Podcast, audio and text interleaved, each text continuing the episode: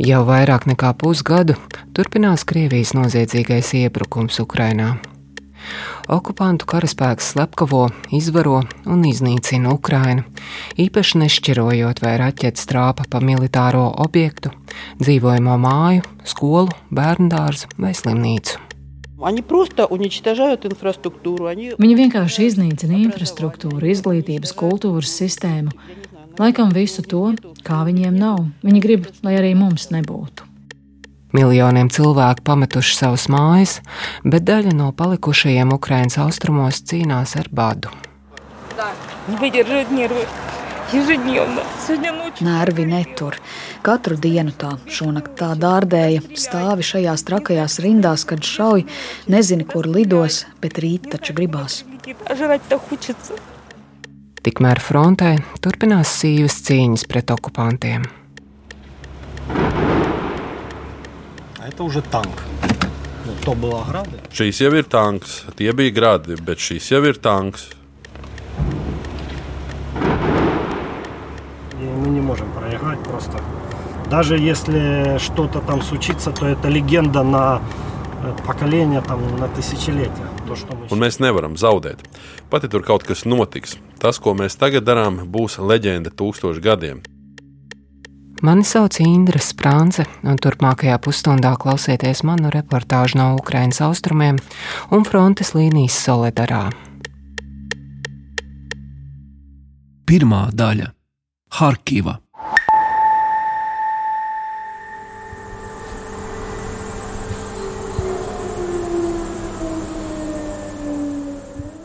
Ja ik pa laikam nekauktu sirēnas, šī varētu būt skaista diena Harkivā. Tā ir liela pilsēta Ukrainas ziemeļaustrumos. Pirms 24. februāra te dzīvoja vairāk nekā miljons iedzīvotāju. Tas bija toreiz, kā vietējie saka, iepriekšējā dzīvē. Tagad cilvēku ielās ir maz. Krievija teju katru dienu raida raķetes pa Harkivu, un ASV bāzētā kara pētījuma institūta analītiķi izteikušies, ka Krievijas prezidents Vladimirs Putins varētu būt devis pavēli par katru cenu ieņemt visu Harkivas apgabalu. Esmu ieradusies šeit jūlija beigās, rīts sestais mēnesis kopš Krievijas iebrukuma Ukrainā.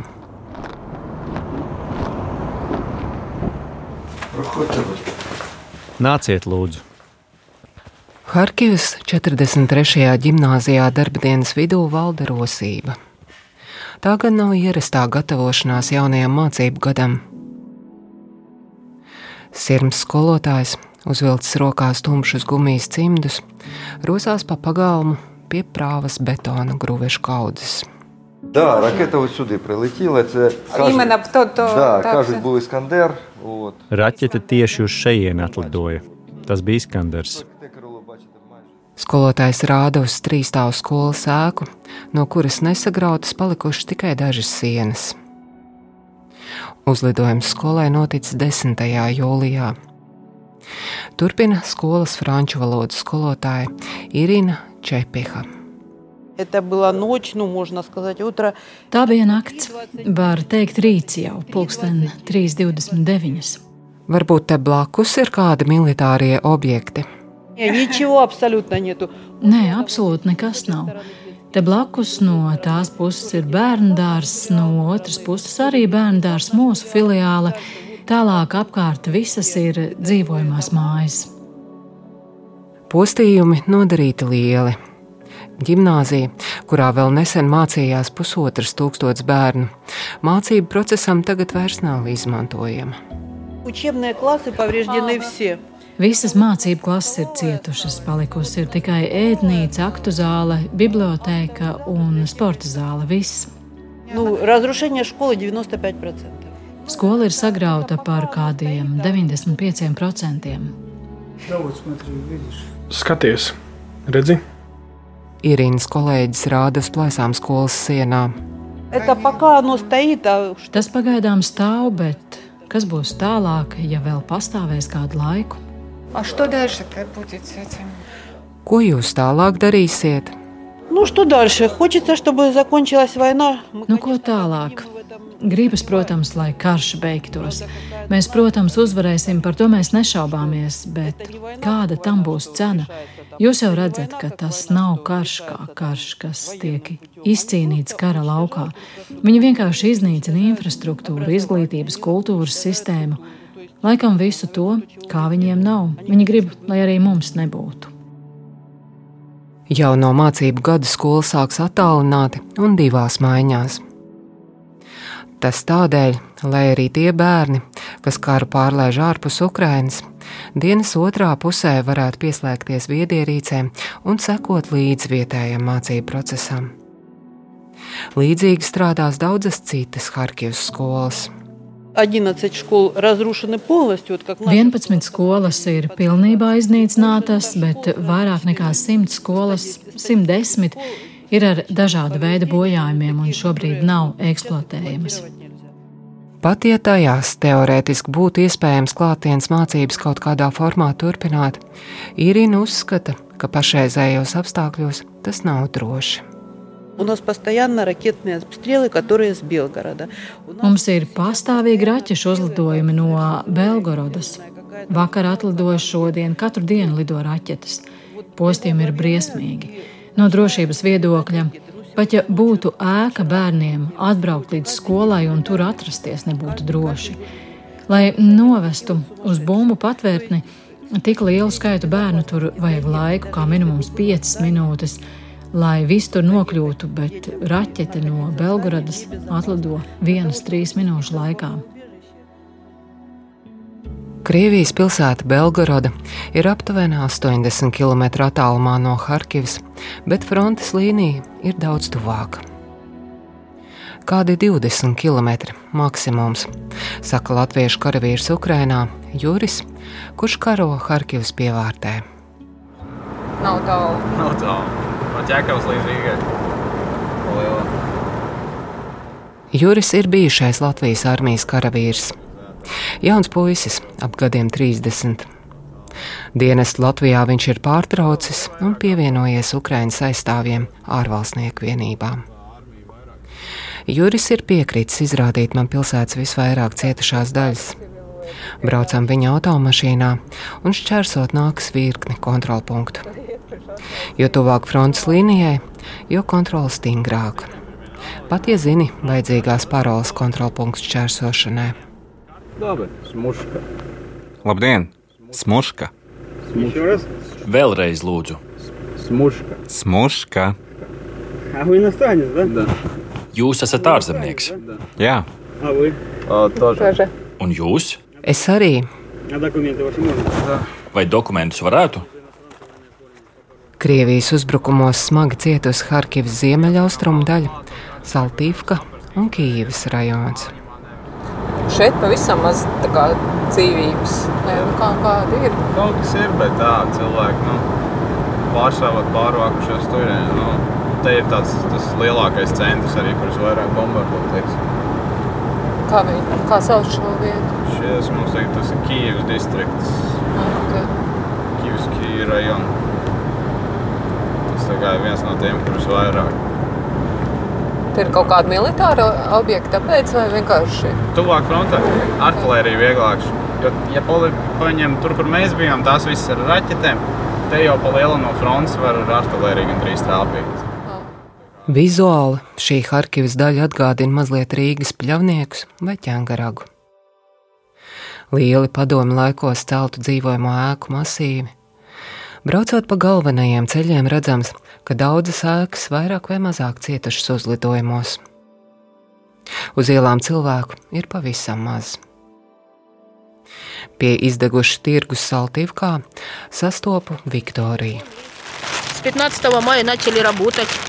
Kopš 15. maija esam atsākuši strādāt. Viktorija saimnieko nelielā apģērbu un apavu bodītē, kas iekārtota vienā no izdegušā tirgus paviljoniem. Krāsmatām pa vidu izvilkta šnore, uz kuras sakārtas drēbes, apakšā izlikta plaukta ar preci. Viktorija prom braukt negrasās, ar apšaudēm apradusi. Страшно, страшно очень было. В самом начале было. Bail, bija ļoti bail pašā sākumā. februārī, martā. Vislielākās apšaudes bija no 7. marta līdz 15. martam. Mēs acis un ausis turējām ciet. Tālūk. Tagad esam jau kaut kā pieraduši. Nesen te sēdējām, un lādiņš tur netālu nokrita, tāds spēcīgs, kā petardes. Pārbijāmies. Bija sajūta, ka šauj netālu no kājām. Tur mājai trāpīja, puisītis gāja bojā. 13 gadi puisītim bija. Puikas tēvs atnāca un divas stundas pie viņa lasīja lūkšanas. Šausmas, cilvēki iet bojā, katru dienu ir apšaudes. Vakar tika ievainoti seši cilvēki, arī aizvakar. Pieturā apšaudīja cilvēkus, gāja bojā, tās ir šausmas, bet kaut kā pierodi, kaut kā jādzīvo ir. Apmeklētāju tirgu nav daudz. Saskaitu trīs cilvēkus.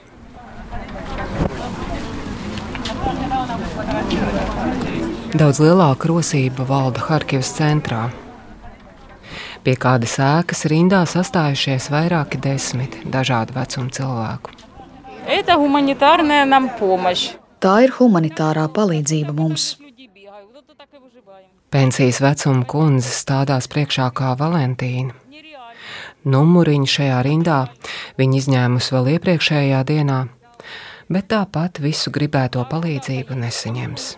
Первые он с консервами пошли, нам только мука осталась. Pirmie rekurā ar konserviem aizgāja, mums tikai milti palikuši. По vienai krūzītei. И как долго вы уже тут стоите? Cik ilgi jūs jau šeit stāvat? Ой, Divas stundas. ну машина приехала, машина приехала давно, вот больше часа прошло. Mašīna aizbrauca jau labu laiku atpakaļ, pirms kādas stundas, bet atveda maz humanitāro palīdzību, un dažreiz visiem nepietiek. Vajadzēja jau otrdien atvest, bet atveda šodien, bet saņemt nav ko. Lūk, man 79. numuriņš, bet saņemt jau vairāk nav ko. А получить уже нечего. Valentīnai atbalsts šobrīd ir ļoti nepieciešams. Допустим, я работала неофициально, была оформлена. Piemēram, es strādāju neoficiāli. Kara laikā zaudēju darbu, un mana neko nemaksā. Nervi netur. Katru dienu tā, šonakt tā dārdēja, stāvi šajās trakajās rindās, kad šauj, nezini, kur lidos, bet rīt taču gribās. Starp rindā stāvošajiem ir arī vīrieši un daži bērni. Kamēr runājos ar rindā stāvošajiem, Valentīna beidzot tikus pie savas pārtikas pakas. Meitenīte, skatieties, milti. Tas ir tas, ko man šodien izdevās dabūt. Būs ļoti grūti. Vai jums ir ģimene? Nē, es un dēls. Tikai pusīt maizes. Jā. Šādi humanās palīdzības izdevas punkti Harkivā ir vairāki. Daļai harkiviešu šis atbalsts ir ļoti nozīmīgs izdzīvošanai. Pilsētas administrācija palīdzību organizē, neskatoties uz sarežģītiem apstākļiem pašai vietvarai. Apšaudēs pilnībā vai daļēji izpostīts liela daļa pašvaldības administrācijas ēku. Tur šobrīd vairs nav iespējams strādāt, un mana apmeklējuma laikā arī nav atrodama neviena dzīva dvēsele. Lieli postījumi pilsētā vērojami arī atsevišķām dzīvokļu mājām. Tomēr, lai arī uzbrukumi turpinās katru dienu, vietām sākusies jau arī īpašumu atjaunošana.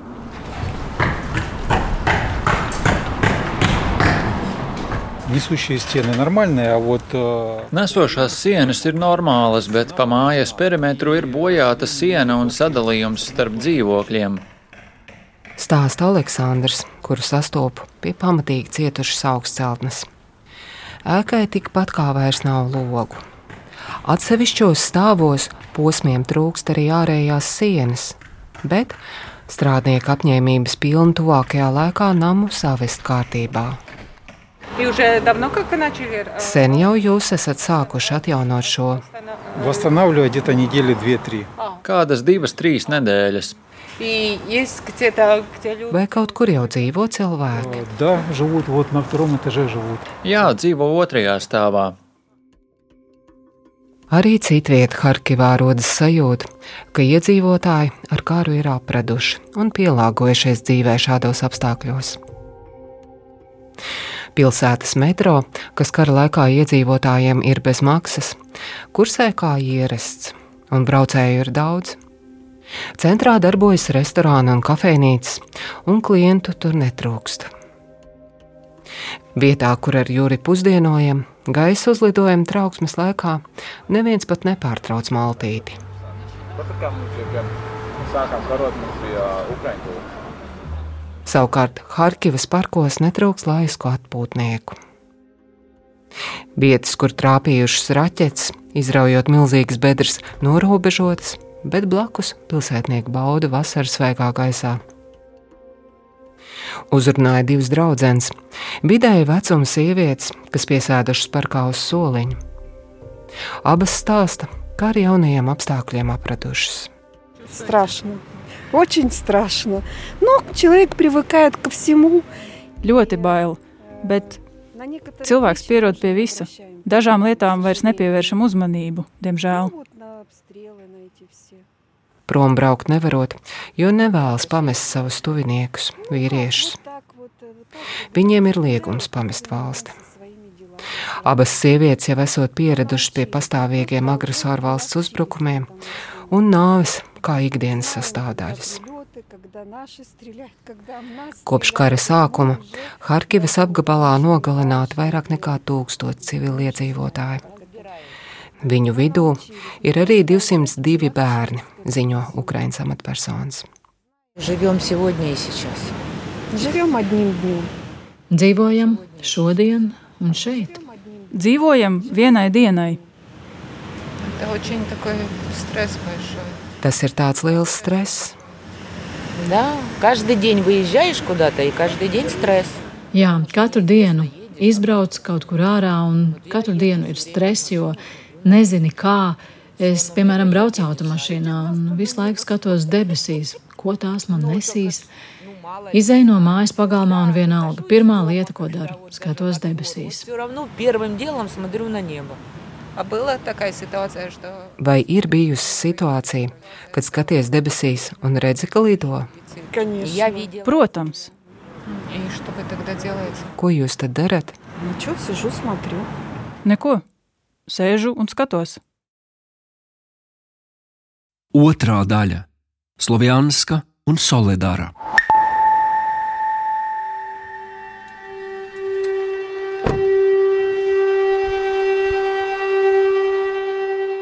Slovjanskas pilsēta Ukrainas austrumos, Donetskas apgabalā, sagaida ar sirēnām, kas brīdina par iespējamu gaisa uzlidojumu. Taču arī te iedzīvotāji izskatās pieraduši pie tām un netraucēti turpina savas dienas gaitas. Ar tukšiem plasmasas traukiem rokās vairāk ļaudis pulcējas pie ūdens pumpja pilsētas centrā.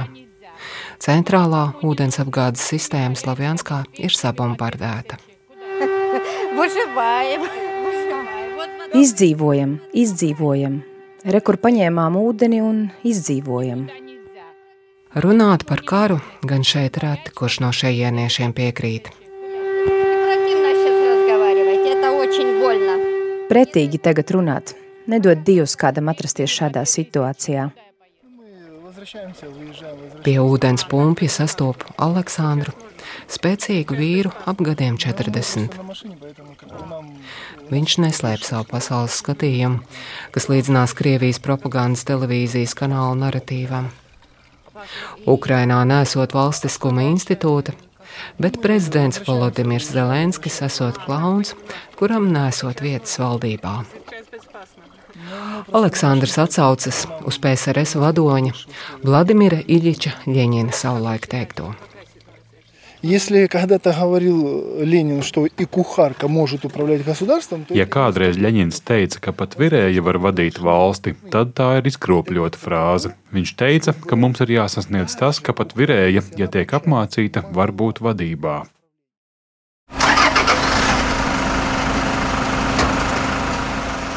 Dodos tālāk, austrumfrontes virzienā. Mērķis - Solidaras pilsēta, turpat Donetskas apgabalā. Labdien! Dienā, kad apmeklēju Ukraiņu karavīru Solidarā, frontes līnija atrodas pavisam tuvu šai apdzīvotajai vietai. Ik pa brīdim dzirdam tuvāk vai tālāk šāvienu trokšņi. Taču kaujas vienībā satraukums nav manāms. Šis spokojna pa sravnieņu trīs dņā nazad. Tagad ir mierīgi salīdzinot ar to, kas bija pirms trīs dienām. Tad bija uzplūds, spēcīgas, intensīvas apšaudes. Tā stāsta Andrejs, Ukrāņu karavīrs, kas mani uzņem Solidarā. Viņš ir kluss, ieturēts 40 gadnieks ar iesauku Tatārinu. Par sevi Andrejs nevēlas runāt, bet piekrīt izrādīt apkaimi un parādīt, kā Ukraiņa cīnās ar iebrucēju. Izbraukumā pa solidāras apkaimi dosimies ar automašīnu, kas šeit frontē nonākusi ar Latvijas iedzīvotāju atbalstu. Nu, Mēs esam mazliet to sabojājuši. Tā sanāca. Kas notika? Nu, redzi, viss caurumos. Vai tās ir šķembas? Jā, bet ļoti veiksmīgi. Ne dzinējs sabojāts, ne riteņi, nu, tikai mazliet caurumi un stiklus drusku nomainījām. Pikaps paslēpts pie armijas vienības štāba zem maskēšanās tīkla. Andrejs stāsta, ka par šo automašīnu ļoti rūpējoties un audzējot to. Pēc kara, kad tas beigsies, viņš gribētu pateikties automašīnas ziedotājiem. Мы ее вернем по окончанию войны, если как бы ну, все доживет. Kad karš beigsies, mēs to atgriezīsim, ja izdzīvos, vai izpirksim. Nu, mēs atradīsim tās saimnieku un atbrauksim pie viņa un teiksim, dārgais, vai arī nezinu, varbūt jaunu nopirksim, bet galvenais - līdz tam nodzīvot. Andrejs brauc nevien ar latviešu sagādāto automašīnu, bet arī ikdienā valkā bruņu vesti, kas arī sagādāta ar latviešu atbalstu. Tā braņā, tā dāvatiskā. Šīs bruņas ir no Latvijas. Draugi kā talismans sargām. Andrejs mudina arī mani sagatavoties frontes apmeklējumam, un papildus bruņuvestē uzvilka galvā arī ķīberi. Конечно, это безопасность, это основное. Для чего эта вся война? Для того, чтобы были люди, которые... Drošība ir pati svarīgākā. Kāpēc ir viss šis karš? Lai būtu cilvēki, kas var uzcelt šo sapni, uzcelt Ukrainu tādu, par kādu paudzes ir sapņojušas. Tagad ir iespēja. Сейчас есть шанс. Par Ukrāņu uzvaru pār okupantiem Andrejs nešaubās nemirkli. А то, что сейчас происходит, что у нас есть армия и что мы воюем, Tas, kas tagad notiek, ka mums ir sava armija, mēs karojam, tādi brīži mūsu vēsturē ir bijuši maz, kad armijai ir dota iespēja. Tagad ir viss, ir valsts, ir armija, frontes līnija un ir atbalsts, un mēs nevaram zaudēt. Pat ja tur kaut kas notiks, tas, ko mēs tagad darām, būs leģenda tūkstošu gadiem, daudzām paudzēm uz priekšu. Kopā ar Andreju dodamies ceļā. Solidāra ir neliela apdzīvota vieta netālu no Bahmutas Daudz privātu māju, ir arī saules raktuves un attīstīta ražošana. И вот это базар тоже тут прилетело, ну, буквально недавно. Вот. Šis ir tirgus, te arī nesen atlidoja. Lūk, uz šo pusi. Te no rītiem cilvēki nāca pēc maizes. Магазин еще. Te ir vietējais veikals. Veikals šobrīd pilnībā ir izpostīts. Gabaliņu tālāk piebraucam pie piecstāvu daudz dzīvokļu ēkas. Pēc skata tā ir tāda pati kā pie mums daudz sēkas pļavniekos vai zolitūdē, tikai logu namam vairs gandrīz vispār nav. Caurumu aizklāta ar plēvēm, citi aizsist ar finieri. Ēkas pagalmā piesēduši vairāki cilvēki. Cik cilvēki jūs te esat? Daudz esam. Neesam skaitījuši. Lai arī šeit ik pa laikam dzirdami skaļi šāvienu trokšņi, cilvēki mierīgi sēž pie mājas, un turpat pie ēkas iekurtā nelielā ugunskurā gatavo ēdienu. Grūti mums, ļoti grūti. Bet kāpēc jūs nebraucat prom?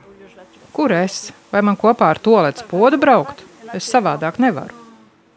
Tikmēr blakus uz soliņa sēdošais vīrietis interesējas, vai man nav līdzi saldumu.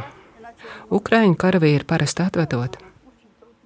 Vīru sauc Vītja, un viņš vēl tasu kritiku medijiem un starptautiskajai sabiedrībai.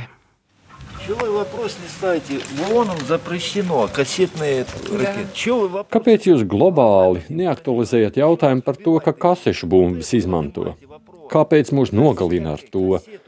Šo jautājumu aktualizējiet. Kasešu bumbas nogalina miermīlīgus cilvēkus. Trīs cilvēki aizgāja bojā šo kasešu bumbu dēļ apvienotās nācijas ir aizliegušas. Fosforu arī ir aizlieguši, bet kaut kā tas tiek izmantots. Fosforu izmantošana todien nāks pieredzēt arī mums pašiem. Drīz pēc tam, kad esam atstājuši šo ēku un devušies tālāk frontes līnijas virzienā, pa ceļam, braucot automašīnā, es redzu debesīs tādu kā baltu salūtu. Kas tas ir? Это вот фосфор, это которые запрещены. Tas, lūk, ir fosfors, kas ar Ženēvas konvenciju ir aizliegts. Tas ir ķīmiskais, ja tu to elpo, apdeg plaušas, aizliegts ierocis. Rekur aizlidoja. Redzat, kā lietus. Naktī ļoti skaisti izskatās. Varam piebraukt tur tuvāk. Tāds balts mākonis ap to ir. Pēc tam viss klepo un tā. Te ir mūsu tālākās pozīcijas, un viņi pa tām laiž ar fosforu. Tas ir kā ķīmiskais ierocis, tas deg pat ūdenī. Viņi nevar apdzēst nekādi. Vajag slēpties zem ļankās, bet vienalga tie dūmi kvēpina plaušas. Tā ir kā gāze bez smaržas. Tu to nejūti. Un cik tālu tas tver? Nu, kur vējš nesīs, ja vakarā vai rīt kleposiet, tad tas būs fosfors. Вот если будете завтра или вечером кашлять, то это вот этот как раз фосфор. Kopā ar Andreju dodamies tālāk uz kādu vācu investoru ražotni turpat pilsētā, kas šobrīd kara apstākļos pilnībā pamesta. Daļa rūpnīcas smagi cietusi uzlidojumos, citur postījumi ir mazāki un redzama pilna noliktava ar gatavo produkciju, ko uzņēmēji nepaspēja aizvest. И вот число 10.02.22. Rekorddatums uh, 2022. gada 10. februārs. Viņi strādāja desmit dienas līdz karam. Te lūk, ir visa produkcija un datums. Viņi uzspēja vivesti. Neko nepaspēja izvest. Tas viss ir nieki. Mēs visu uzcelsim no jauna. Galvenais ir saglabāt valsti un cilvēkus.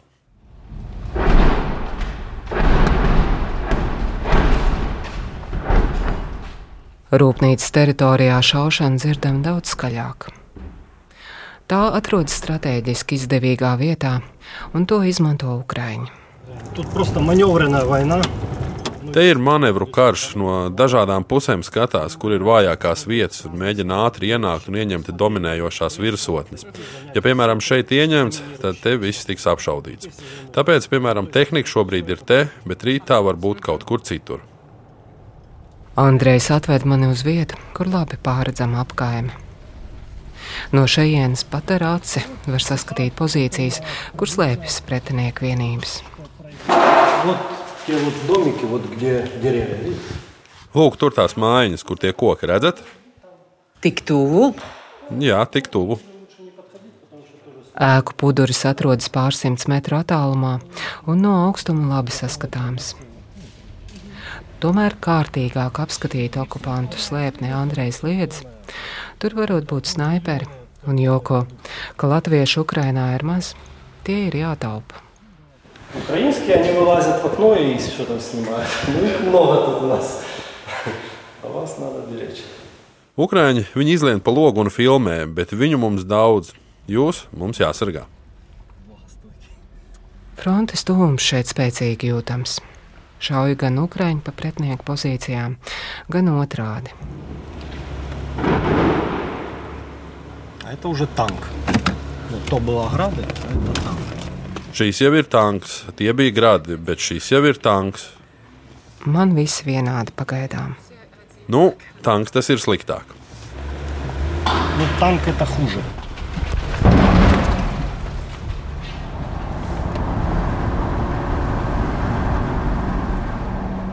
Kopā ar Andreju apmeklēja arī vienības apmešanās vietu.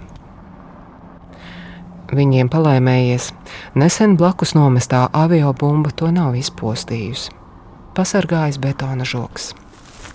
Когда взорвалась бомба, Kad sprāga bumba, es uz tā balkoniņa gulēju, akmens man trāpīja. Я тебе покину, мій маленький сину. Par kara šausmām Andrejs stāsta viegli, bieži ar smaidu uz lūpām. мама вчера, каже, я молюсь, каже, всем богам, Māma man vakar teica, es lūdzos visus dievus, lūdzos arī, nu kā nu viņa teica, lūdzos arī Pentagonu, lai iedod mums ieročus. Душі полине від хати до хати. Andreja mammas lūgšana piepildīsies. Vismaz uz brīdi. Ukrainas neatkarības dienā, 24. augustā, ASV paziņoja par militāro palīdzību Ukrainai vēl 3 miljardu dolāru apmērā.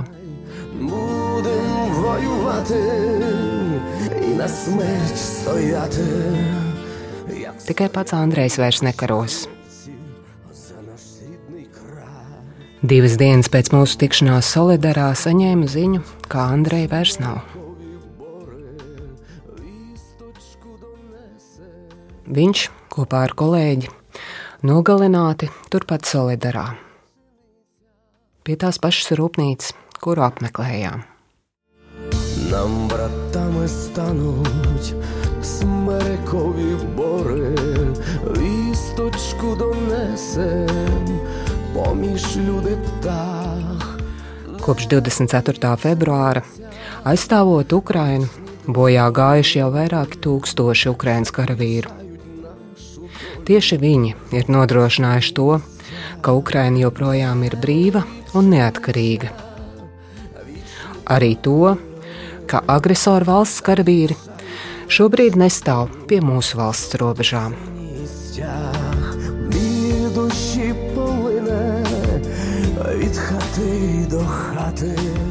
Raidījumu veidoja Indra Sprānce, Filips Lastovskis un Reinis Budze. Atvērtie faili!